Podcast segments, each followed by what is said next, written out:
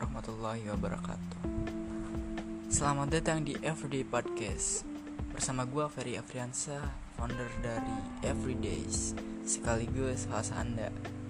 Oke brother and sister, untuk episode awal kali ini Gue bakal bahas tentang pria softboy Karena ini adalah podcast perdana gue Kalian boleh request untuk podcast selanjutnya. Oke next, kita lanjut tentang pria softboy Biasanya ya, para cewek-cewek ini sering banget terlena oleh cowok-cowok ya. Nih, untuk Sista, softboy itu sifatnya memikat, namun berbahaya.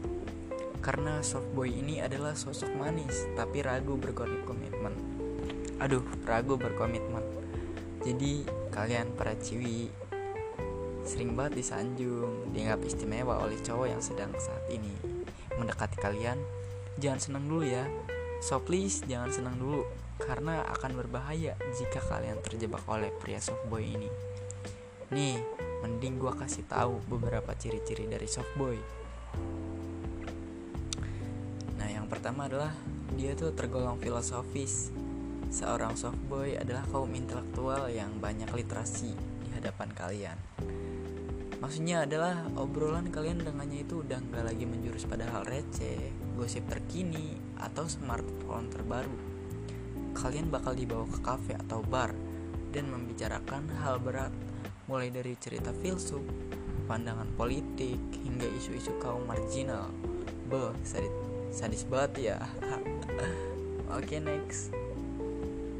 Jadi yang kedua adalah dia mengirim chat atau menelpon kalian sampai larut malam. Nah, di sini siapa yang pernah ditelepon pria sampai larut malam? Ngaku deh kalian. Karena Kenapa dia nelpon sampai larut malam? Dia memanfaatkan sisi emosional kalian. Dia bercerita berbagai hal untuk menyamakan frekuensi dan chemistry. Dia sebagai pria pendengar yang baik dan akan mengeluarkan mantra sakti di akhir obrolan telepon. Semacam, gimana? Udah lega? Nah, jadi intinya kalian yang saat itu tengah disudutkan dunia dan kerasnya hidup jadi percaya bahwa ternyata masih ada orang yang memahami apa yang kamu alami dan dia berhasil membuat kalian lupa diri hingga jatuh hati. Anjay. Nah, dan yang terakhir ada dia bilang gak akan meninggalkanmu seperti mantan kalian yang lain. Namun kenyataannya mengatakan sebaliknya. Semanis gula, janji, dan segala kata-kata yang terlontar berubah jadi angin lalu saat pada kenyataannya dia pergi meninggalkan anjay. Beberapa softboy dikenal punya isu komitmen yang lebih bahaya daripada lainnya. Kalau ada lelaki yang pernah mengatakan hal-hal manis ke kalian kalian harus waspada dengan tidak terlalu membawa perkataannya terlalu dalam. Nah, itulah beberapa tipsnya.